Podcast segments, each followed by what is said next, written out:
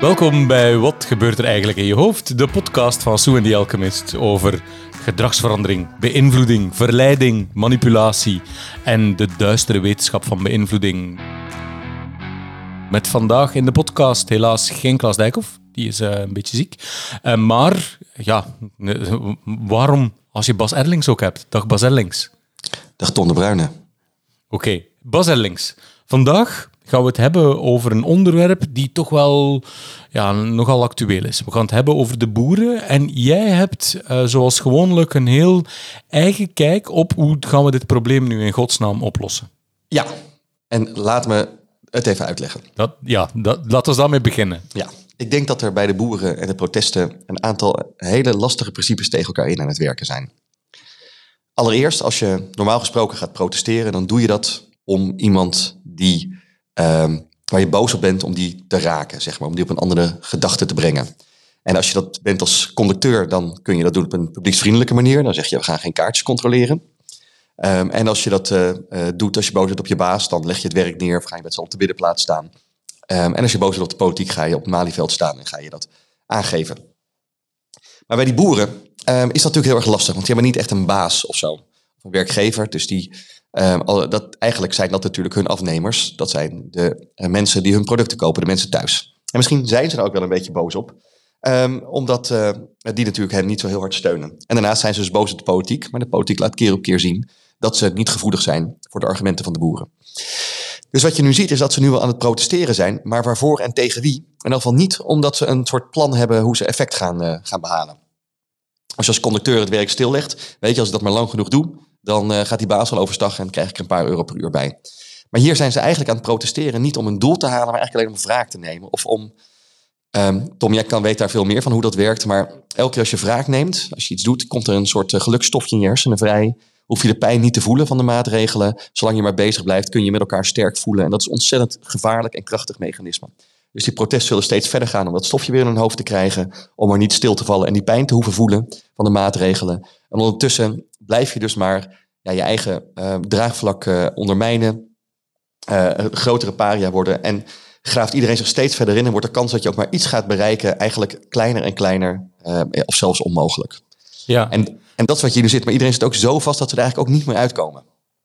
Dus je, je, wat, wat, je zegt is dat eigenlijk dat, we, dat nu zo de emotie en het verlangen naar wraak veel groter is dan het verlangen om hier nog uit te komen. Want die is directer, die is rauwer, die is intenser en die is gewoon op korte termijn veel lekkerder. Absoluut. Als je iets voor elkaar gaat krijgen, ga je niet zorgen dat eh, je het sympathie van iedereen verliest. Dat is niet de manier om iets voor elkaar te krijgen. Dan ga je naast, in dit geval naast de politiek staan. ga je zeggen, jongens, er is inderdaad een probleem. Hoe gaan we dit samen oplossen?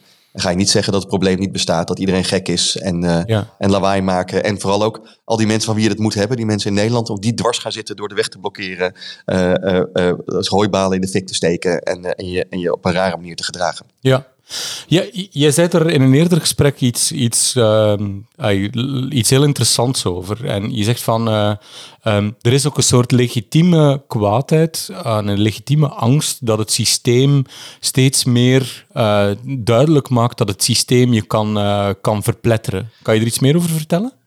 Ja, want dat is de andere kant van dit verhaal. Het is eigenlijk niet te onderschatten hoe groot ehm, het gevoel van pijn is dat deze mensen meemaken. Het zal je maar gebeuren dat je je hele leven uh, aan iets aan het bouwen bent. Dat er een soort eigen als bedrijf, uh, misschien al generatie op generatie, gecreëerd een eigen wereld, een eigen identiteit van wie je bent. En dat eigenlijk de politiek met één pennenstreek om een macro-probleem op te lossen, daar, uh, dat, dat eigenlijk dat wereldje kan vernietigen voor je. En dat komt meteen onze allergrootste oerangst van ons eigen kleine wereldje veilig willen houden. En dat is natuurlijk wat hier gebeurt. Dus hun, hun boosheid, hun angst is, is volledig te begrijpen. Um, en je ziet ook dat in de, in de peilingen zo'n BBB nu ineens heel hard uh, opkomt. Wat eigenlijk raar is, want de boeren zelf hebben maar één zetel. Eh, zijn, zijn ongeveer goed voor één zetel in de peilingen. Uh, maar dit gaat natuurlijk om veel meer. Maar wat ik denk dat mensen wel herkennen.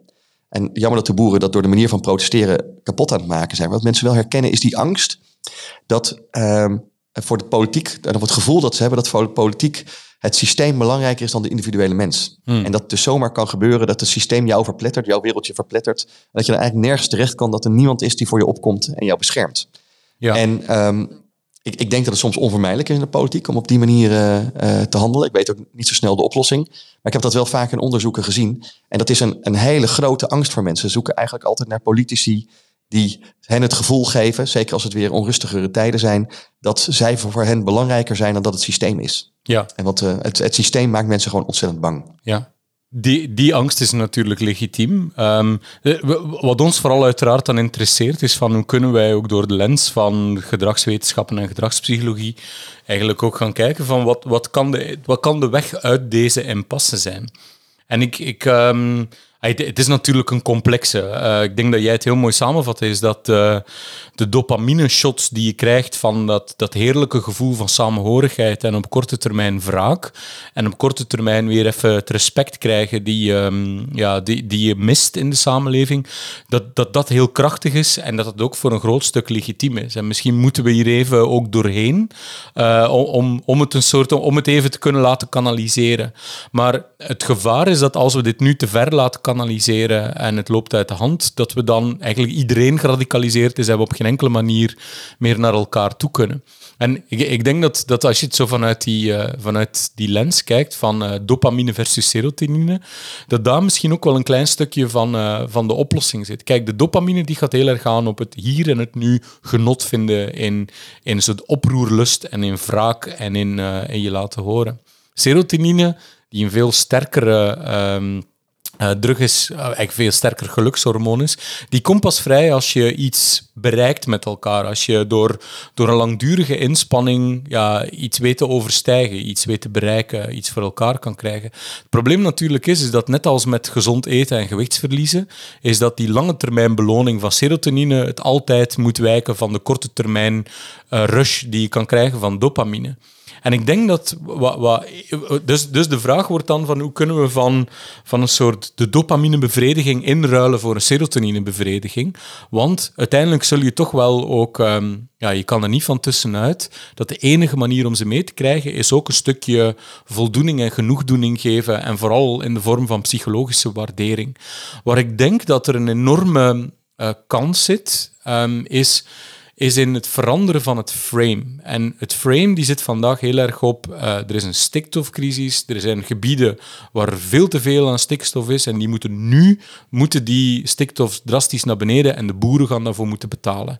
Ja, dat is natuurlijk een accident waiting to happen, want de boeren denken van, oh, waarom wij weer slachtoffer? En er zijn toch nog andere mogelijkheden, kloppen die cijfers wel? Door het feit dat, wat, wat jij heel terecht zegt, dat, dat het systeem uh, om zijn doelen te halen. Gewoon uh, de, de, de, het leven van de boeren gewoon met één pennenstreek van de kaart kan vegen, is natuurlijk... Zo voelt het. En dat is een heel hardnekkig frame. Zo voelt het in elk geval voor ze. Wat ik denk dat we, dat we gewoon structureel moeten gaan veranderen, is een frame die veel meer gaat over de gezondheid van de landbouw.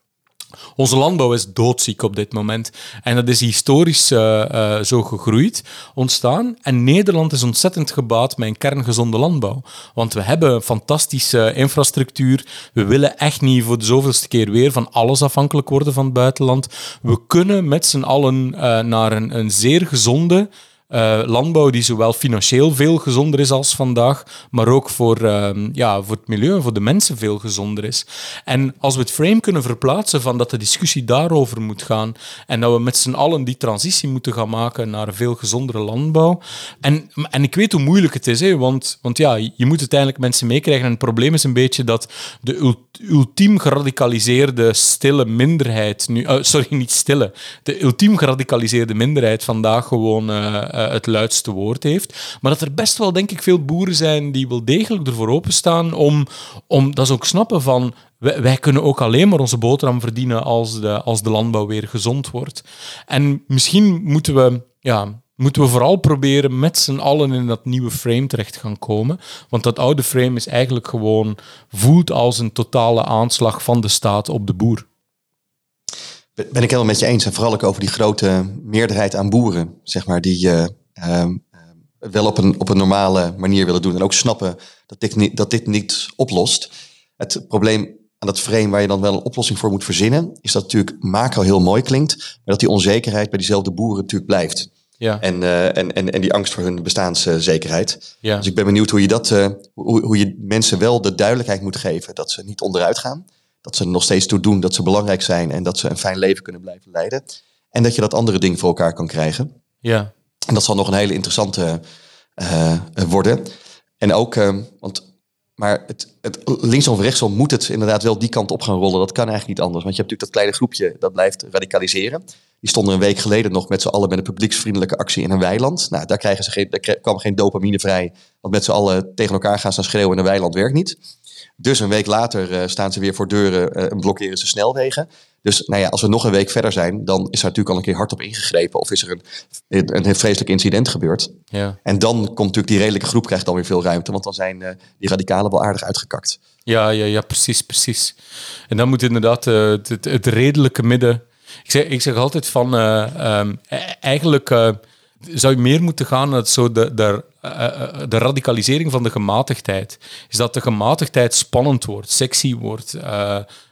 Dus het, het, het, voortouw neemt. Maar het probleem is dat het gemiddeld, het, het redelijke midden bijna altijd zo'n mond houdt, omdat ze echt geen zin hebben om gebullied te worden en om gedoe te krijgen en om ineens een bende intimiderende boeren voor je stoep te hebben. Um, dat is wat je ook een beetje had bij, bij corona. Hè? Dat je aan de ene kant je was of voor of je was uh, een wappie voor de maatregelen. Of je was een wappie en een middengroep die gewoon terecht de zorg had, komt bijna ja. niet meer. En grote kans dat dat in die gemeenschap nu ook ontstaat. Ja. ja. Dat is natuurlijk ontzettend lastig. En, en daarom denk ik dat mogelijk een leidmotief is van hoe kunnen we de Nederlandse landbouw weer echt uh, toonaangevend en kerngezond maken. Ja, dat, dat als we met z'n allen zeggen van dat is de agenda waar dat we naartoe willen, dan, uh, dan, dan, dan creëer je eigenlijk ook een context waarin dat alle partijen weer met elkaar kunnen gaan spreken. Omdat het doel niet is stikstof centraal en stikstofreductie centraal, maar een kerngezonde landbouw, uh, uh, een kerngezonde en super performante Nederlandse landbouw centraal zetten, met als onderdeel daarvan gewoon veel meer natuurinclusief. En met boeren die gewoon goed een boterham verdienen, zonder compleet afhankelijk te zijn van... ja, van, van... En wij die mooie, mooie gezonde producten hebben. Ja, ja, ja, absoluut. Ik denk ook echt dat... Klinkt dat, mooi. Ja, ja, ja, nou... Cool. We hebben het opgelost, Bas. We hebben het opgelost. Doe het zo. Hè, hè? Ja, dan doen we het ook voor iedereen dat we dat hebben gedaan hebben. Ja, ja, ja. Doe het gewoon zo. Klaar. Opgelost. Oké. Okay. Ik ben extreem benieuwd hoe dit zich gaat ontwikkelen de komende periode. Ja. En dus ik wil nog even erbij gezegd hebben van... Ik, uh, ik ben absoluut niet tegen de boeren. En uh, ik uh, draag ze een warm hart toe. Ik kom ook uit een boerenfamilie. Dus, dus ik, ik wil niet dood. maar, maar de andere kant zie ik ook. Er Ja. moet ook dat er iets moet gebeuren. En, en dat is het lastige hieraan. Ik, en, ik, en Christiane van der Wallen is een baas. Zeker. Ja, Zeker. dat willen we ook even gezegd hebben. Doe het vandaag zo, Ton de Bruyne. En nu moeten we hem gewoon met, met, met z'n allen... Moet, moet gewoon meer liefde in de samenleving. Dat is een beetje het probleem. Mooie afsluiter. Oké, we doen het zo. Groetjes.